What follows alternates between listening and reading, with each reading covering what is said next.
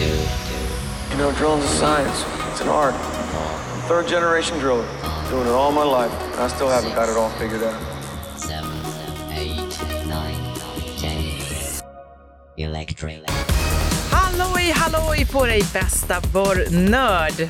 Jag är en borrnörd också. Ja, du ja! Herregud, du är den värsta borrnörden av alla. Jaha, mycket ska man få höra. Ja. Du, har du någon favoritrigg? Får jag bara välja en eller? Ja, våga nu. Ja, okej. Ja, men jag, jag tänker, eller jag, den första riggen jag kom i kontakt med var en Rox 642. Eh, kom till Atlas Copco då eh, och skulle bygga min första vagn. Och då var det en 642. Eh, rent livsfarlig att köra. men eh, direkt hydraulisk. Eh, det enda som var elektriskt tror jag var Ja, det var väl lite lampor och sen var det väl slagverket som sattes igång elektriskt. Men det, blev, det var där kärleken till riggen tändes Ja, liksom. Där någonstans börjar hela resan. Mm. Nej, men sen, jag har ju några till favoritriggar. Och ska jag nämna någon idag så är det en Smartrock T35 som jag tycker är... Varför då? då? Ja, men den är ju... Det är ju jag menar, dels är det hytt på den.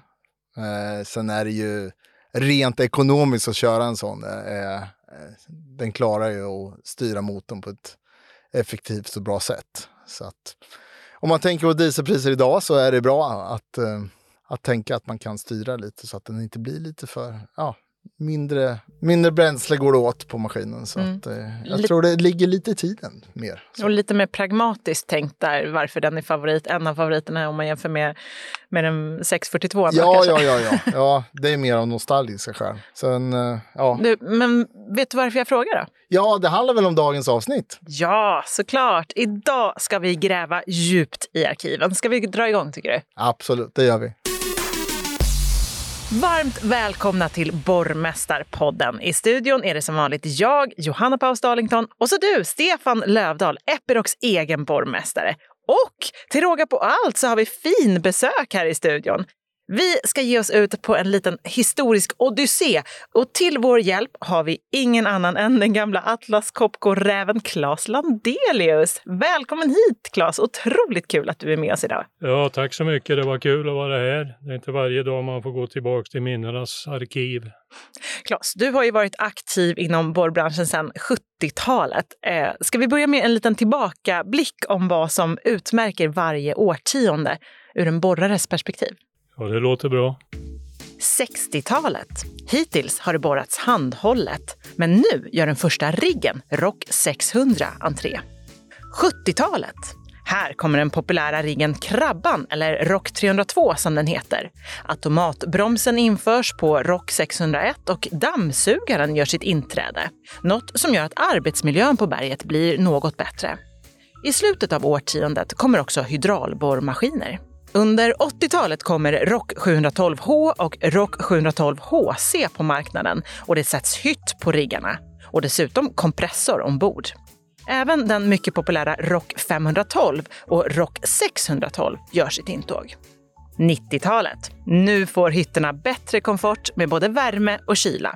Det digitala signalsystemet Canbus-systemet landar på marknaden.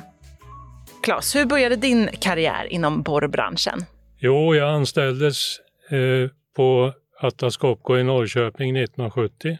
Så jag har datumet. Det kommer jag ihåg. Jag kan s- ta datumet också. 5 november.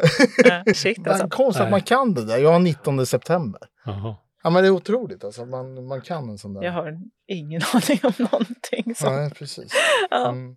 Sen var jag mycket delaktig i de stora vägjobb som pågick på 70-talet lite överallt i Sverige. Och eh, sen har, har jag jobbat med att skruva med riggar. Eh, sen har jag senare varit instruktör och borrmästare, både ovan och under jord. Mest i Sverige men också cirka 20 år utomlands. Alltså det är...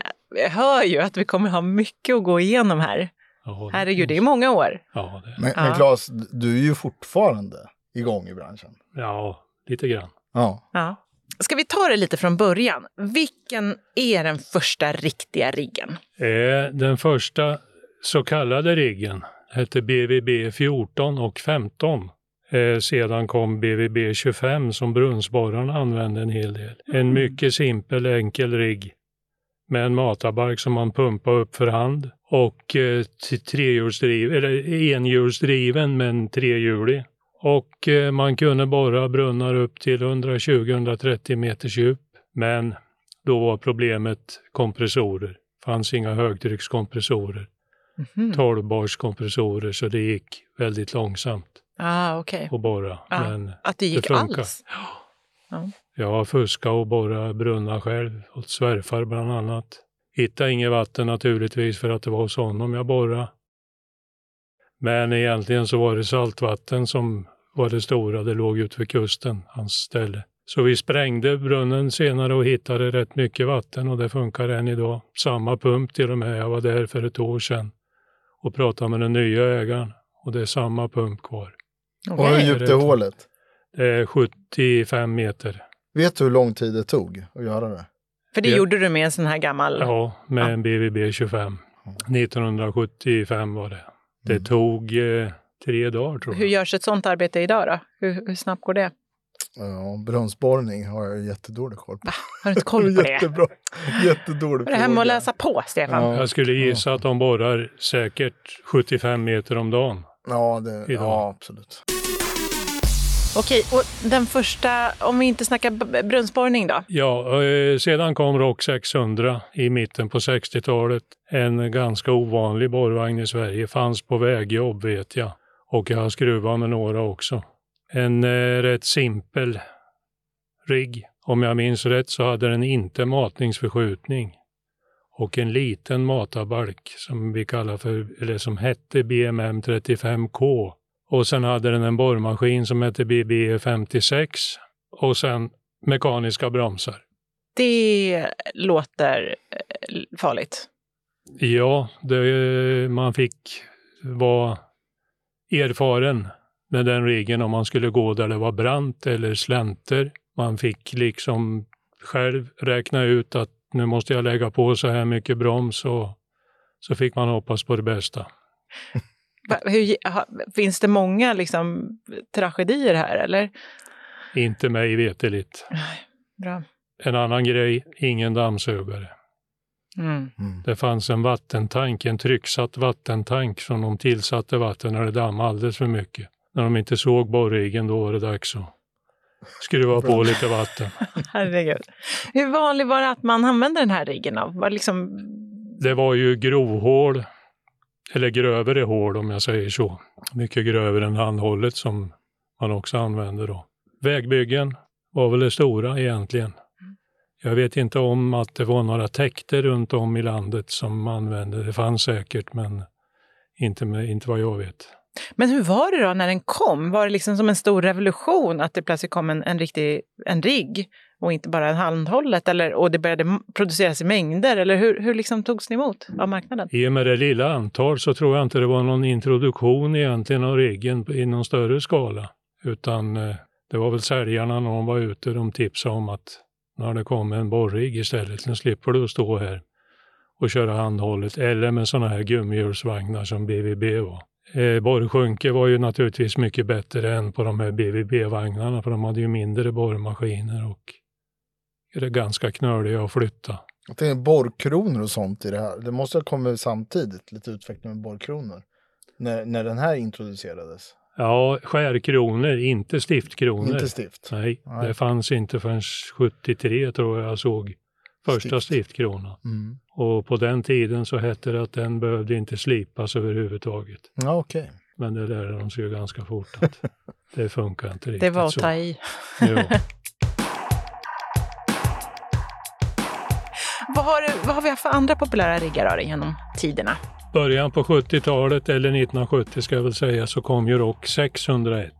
Också utan dammsugare först med en annan borrmaskin, matningsförskjutning. Borrmaskin hette BB 57 då, den första. Matarbalken var kraftigare, kunde köra med högre matningstryck, kunde fås med vinsch och sedan var det automatbromsar. Mm. Det låter som att det är en, ganska, fortfarande- ja, en rejäl uppdatering från eh, 600. Då. Ja, Ja. Men fortfarande luftdrivet. Fortfarande kompressor. luftdrivet. Kompressor, 25 kubik. Stora dieselmotorer krävde mycket bränsle. Och hur togs den emot? Den vart populär från dag ett skulle jag vilja säga. Det var ju främst vägjobb och täkter. Sedan användes den under den här oljekrisen i början på 70-talet för stora bergrum, inte för drivningen av rummen men för pallarna i bergrummen. Och de kunde vara upp till 20 meters pallar och det gick både två och tre sådana där jämte varandra och borra. Borrmeter på den tiden låg på upp till 200 meter per skift, så det var ju en ganska hög kapacitet på de här riggarna. Ja, det blev en riktig storsäljare då, med andra ord. Ja, och sedan hade Atlas en väldigt stor hyresverksamhet på den tiden. Så just för sådana här jobb där det var begränsad tid så hyrdes det ofta riggar. Så vi hade ett stort antal hyresriggar, olika storlekar i Sverige på 80-talet. Och om den både användes ja, men i gruvor och, och tunnlar och ovan jord, det måste ju varit extremt mångsidig. Ja, det var den. Ja. Eh, den var suverän att klättra med. Den hade låg tyngdpunkt, vägde inte mer än cirka 5-6 ton. Eh, starka åkmotorer, eller larmmotorer. Och så den här uppgraderade bromsen som funkar i flesta fall. ja, okej. Stefan, kommer du ihåg den här? Rock 600? Nej, nej, helt för mig. eh, Nej, har inget sånt. Det finns ju något som heter Krabban också. Den den, den kom- kan du någonting med. Den kom ju lite senare. Ja. 72, 73. Jag vet att prototypen till Krabban gick på Gränna motorvägen. När den byggdes. Mm. Eller del två av Gränna motorvägen. Hade två bommar, men inte automatbroms. Den hade en hederlig handbroms som man drog i. Ungefär på samma sätt som med Rock 600. Man fick försöka anpassa och tänka ut att här är det brant. Tänk efter Då drar jag till lite grann får vi se om det räcker. Annars så kunde man rycka till lite extra. Ja. Eh, den hade kle- två klena matarbalkar som var lätt att kröka om man slog i när man flyttade riggen eller under borrning om man borrade fast. Och den första borrmaskin som satt på de där var BBC 24. Det var alltså helstångsborr som kördes. Sedan så ville ju marknaden ha kraftigare borrmaskiner. Då kom COP 90 och COP 91. Eh, då var det ännu sämre med matarbalkarna naturligtvis, för den var ju starkare i vridmoment än vad en BBC 24 var. Och sen utvecklades COP 115. Där var jag med på prototyperna och kördes på motorvägsbygget i Linköping. Jag hade en väldigt komplicerad rotationsväxel, en snäckväxel, och den ställde till mycket problem för oss. Men eh, den började på att fungera, gick ganska bra, men då kom det en, den första luftdrivna rekyldämpade borrmaskin, COP 900, som är en utveckling av COP 115. Slagverket är egentligen exakt detsamma, men rotation var mycket enklare. Mm. Fick man en dämpfunktion på den också? Ja, Ja. Det är första maskin med dämp en ja, dämpare i då. ja inte riktigt, jag sa nog fel där. COP 150, den största luftdrivna maskin vi har gjort, den hade en, till att börja med, en fjäder som rekyldämpning. Som också ställde till stora problem. För att den gick sönder. Den gick sönder. Mm. Jag kommer ihåg, de här fjädrarna tillverkades i Schweiz och skulle färgmärkas i olika härdningar. Det var bara det att de hade missat tio fjädrar ifrån Schweiz. Och vi hade en Rock 701 hette den, en stor rigg på den tiden, luft, helt luftdriven. Den hade COP 150 som standardmaskin. Och eh, så fick vi ett haveri på den här fjädern ganska tidigt. Stoppade i en ny och eh, den gick sönder efter en timme. Och då fick vi reda på ifrån MCT som det hette i Stockholm att de ska vara färgmärkta. Du ska ha en grön fjäder. Vi hittade varken grön, blå eller röd eller någon färg. Så vi chansade, blundade och tog en annan fjäder och stoppade i. Den gick i en vecka. Så den var ju något bättre. Men eh, den där COP 150 vart ingen stor säljare och inte Rock 701 heller. Jag tror det fanns två, tre stycken i landet. Mhm. Om, om vi håller oss kvar lite i 70-talet då. Minns du några spännande projekt från den här tiden som du var med om? Ja, det gör jag väl det. De här motorvägsbyggena som gick förbi Norrköping, Linköping, Gränna, E4. E4, ja. Ja. Eh, sedan oljerummen, det byggdes ju väldigt mycket oljerum. Norrköping, Låter spännande. Låter kul. Ja. Eh, och 1986 så byggdes ju Globen också. Eller Avicii Arena som det heter idag. Eh, var du involverad i det på något sätt? Ja, vi hade en kund, jag tror företaget hette Rensjöstugans bergsprängning. Ett litet företag, han hade en krabba innan och skulle då ha en hydraulrigg till Globenjobbet. Ganska mycket berg, kommer inte ihåg siffror men eh, det var ett stort jobb. Han köpte en Rock 410 och den hade ju då en 1028 som COP 1028 som standardmaskin. Men han skulle borra 51 och valde då en COP 1032 LE. Det var en lågenergimaskin som sattes på några 410. Och det beror på att den borrmaskin beror på att det var små hydraulpumpar på den här Rock 410. Den klarar inte en, en HB 1032. Och det gick inte bra alls. Han började fem på morgonen och han slutade åtta, nio på kvällen och fick ihop kanske 100 borrmeter per dag. Usch. Stora problem med borrstål. Rolle Stoltz var ju leverera borrstål till det här jobbet. Han var där två gånger om dagen med nya borrpinnar. Låter, låter dyrt också. Och då byggdes de första 512 och 612 i Bremen. Och hade blivit lite försenad för vår våran tanke, eller Atlas tanke var att byta ut den här 410 mot en 512 med lite kraftigare slagverk. Men då hade vi bytt in en Rock 402. Det var kan man säga såg ut som en krabba fast en med en bom. Med en kopp 900 borrmaskin på. Då ställde han upp med sin gamla kompressor och jag hjälpte honom att borra i tre veckor med den gamla riggen. Den borrar nästan dubbelt så mycket som den här 410. Så du hoppade in och liksom hjälpte Ja. honom att, komma ikapp? Det var Atlas policy att vi skulle ställa upp för kunden här Ah. när han gick och väntade på 512. Så han kom i fatt. Han var nära konkursens brant kommer jag ihåg. När han inte fick ut mer berg än han fick med 410. Ja. Men vi kom i fatt och eh, någon vecka senare när jag hade lämnat Globen-jobbet så fick han 512. Och den, det var den första sålda riggen i Sverige vad jag minns. Och den borrmaskin då som hade kraftigare slagverk, fortfarande en 1032, det var skillnaden i det här sega berget som de kallar Globenberget för. Alltså, så att man kan lite säga att vi lite har dig att tacka för Globen. Ja, I varje fall en I liten alla fall eh, en bänkrad. en bänkrad. Härligt. Eh, Men du Stefan, nämnde inte du häromdagen någonting om 512 Jag känner igen det här.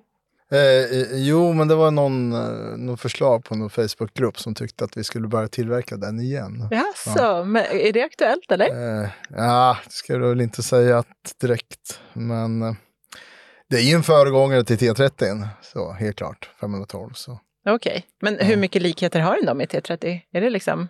Det finns ju en hel del likheter ändå. T30 är väl egentligen lite mer 612. Ja, det är det kanske. Bomsystemet är ju i Mm. stort sett detsamma. 512 hade en klenare bom med längre räckvidd än 612. Men kan du Claes förstå dem som längtar tillbaka till... eh, Ja, de är lika 512. gamla som mig. Ja. Mm. det kanske var en, det är inga 20-åringar som det längtar var, till det fem. var inte du som skickade in det där på Facebook då kanske? Bra. Så det kanske det var.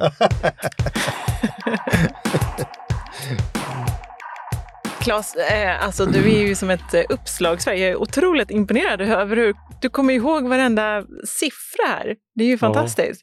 Eh, när börjar de moderna riggarna komma, komma då? Den första hydraulriggen kom 78, 79. Den hette Rock 810.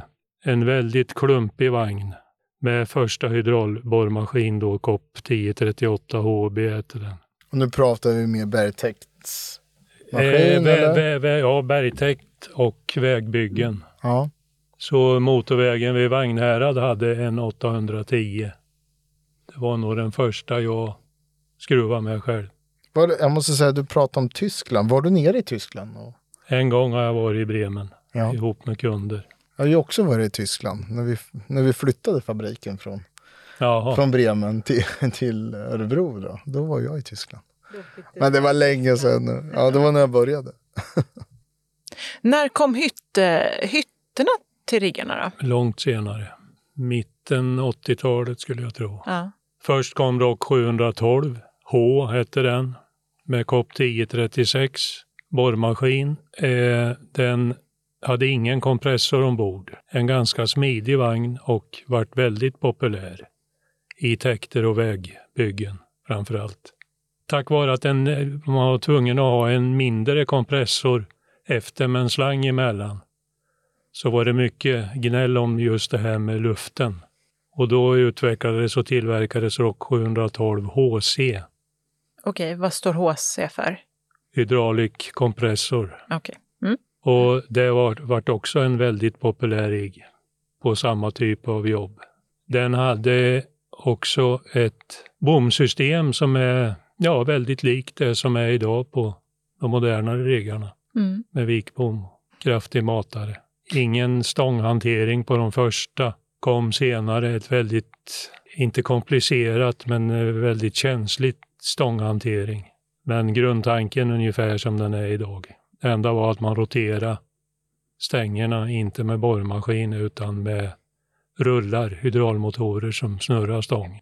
När kom eh, D7 då? D7 dök upp, måste jag tänka. Ja, 2012. Det är för modernt för mig. det. Ja, det, men det måste vara 2000. Den kom... Ja, Ja, det måste det vara. 2000 något sånt ja. ja. För sådana är väl fortfarande igång och jobbar? Liksom. Eller? Ja. D7. Ja, ja, Kanske absolut. inte från, av de första, eller? Men Nej, men det finns absolut D7 kvar. mm, det tycker jag ändå jag har hört när Mm. jag pratar med folk. Mm. Men eh, kan man, är, är D7 föregångare till eh, några av de riggar som är ute och kör idag? Ja, eh, så är det ju. Det är ju det är ju föregången till Flexrock och Smartrock. Claes, du har ju varit med under hela utvecklingen från de gamla till ja, men de riggar som, som kör idag. Jag tänker på säkerheten måste ju ha utvecklats något helt enormt. Du har nämnt om mekaniska bromsar, liksom, till, om vi börjar där, till vad vi är nu. Det är ju en otrolig utveckling. Men minns du någon, någon händelse som, som gått snett? Ja, det är ju en hel massa egentligen. Och det är ju tillbaks i tiden, 70-80-tal. Den, den största grejen som vi inte kanske sa, det var ju att dammsugaren kom in i bilden.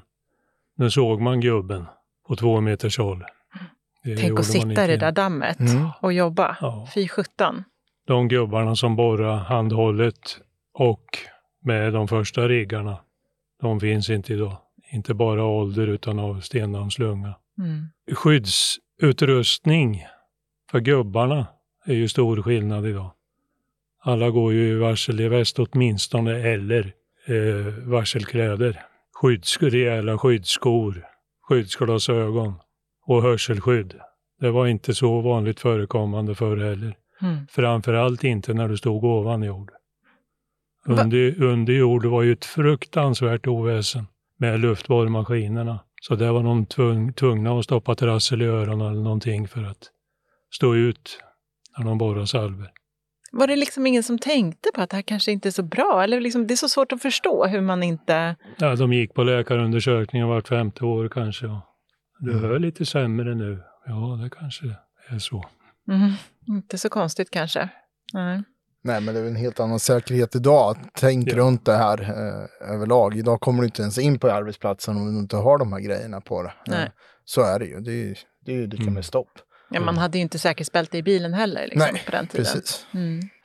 Stefan, har du några tankar kring hur det har utvecklat sig säkerhetsmässigt kring och i maskinerna? Ja, runt maskinerna så har det ju hänt en hel del. Eh, idag täcker man ju in eh, mataren och så med, med en bur. Ja, undvika att någon fastnar där. Eh, det är roterande delar. Det är... Men det, det, är ändå lätt att det händer någonting runt det. Men vi har ju nödstopp och liknande. Det fanns väl förr med, men känns det som idag har vi mer, mer nödstopp och för att snabbt kunna stänga av maskinen ifall det, det skulle hända någonting. Mm. Så att, ja, det är ju generellt ett mycket högre säkerhetsfokus. Ja, och sen har vi bland annat så har vi en radiolåda idag som vi kan använda. Och skulle det vara osäkert så kan man använda den istället för att mm.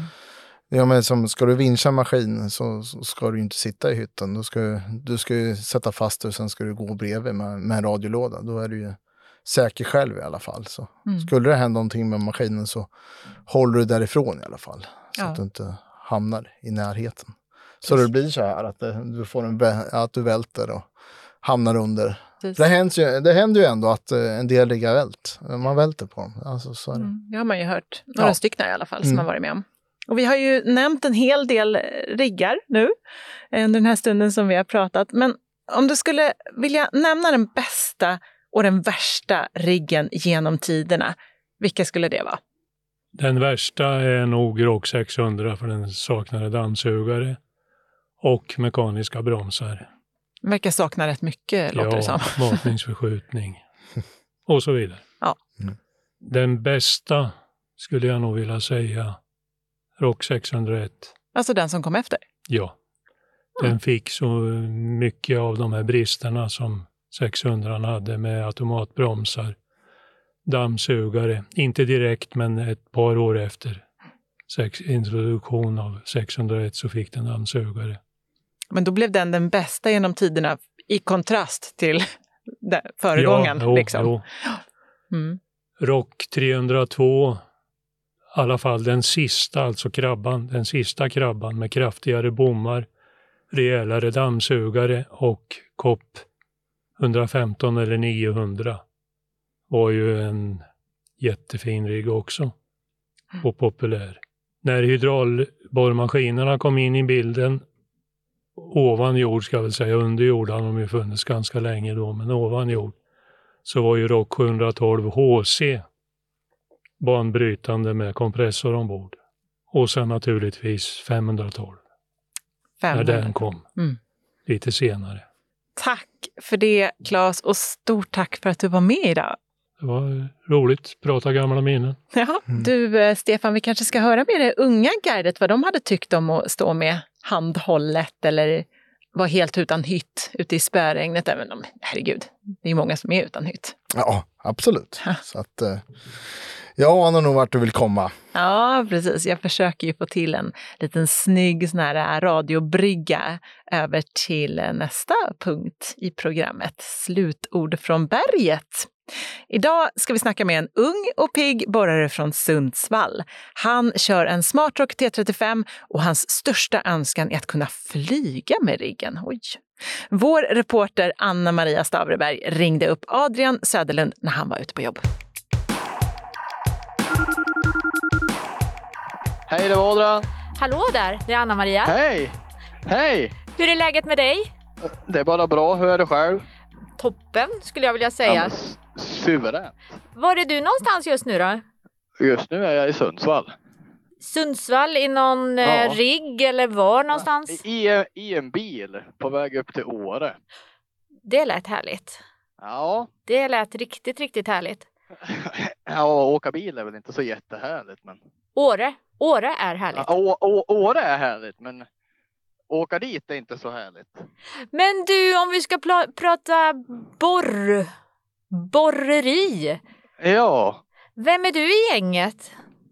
Jag? Ja, jag vet inte. Jag är väl en, en, en glad kille. Gillar att jobba. Jobbar du mycket? Ja, så mycket som man får. Får man inte jobba till. hur mycket man vill? Jo, jag tycker det jag. Men det är vissa, vissa, vissa ställen får man inte jobba hur länge man vill och hur mycket man vill. Vad är det för rigg du kör då? Jag, jag kör en T35 Smartrock. Vad är det som är så bra med den? Ja, det är kiosk på den så det är suveränt. De regniga dagarna i alla fall. De kommer de också? Ja, det gör de. Snön kommer snart än då. Men du, du säger du är en sån som gillar att jobba. Tidiga morgnar, Ja. sena kvällar, många timmar. Ja, Vad är det, som är, vad är det roligaste med borrjobbet? det roligaste med borrjobbet är väl att man får vara själv. Själv?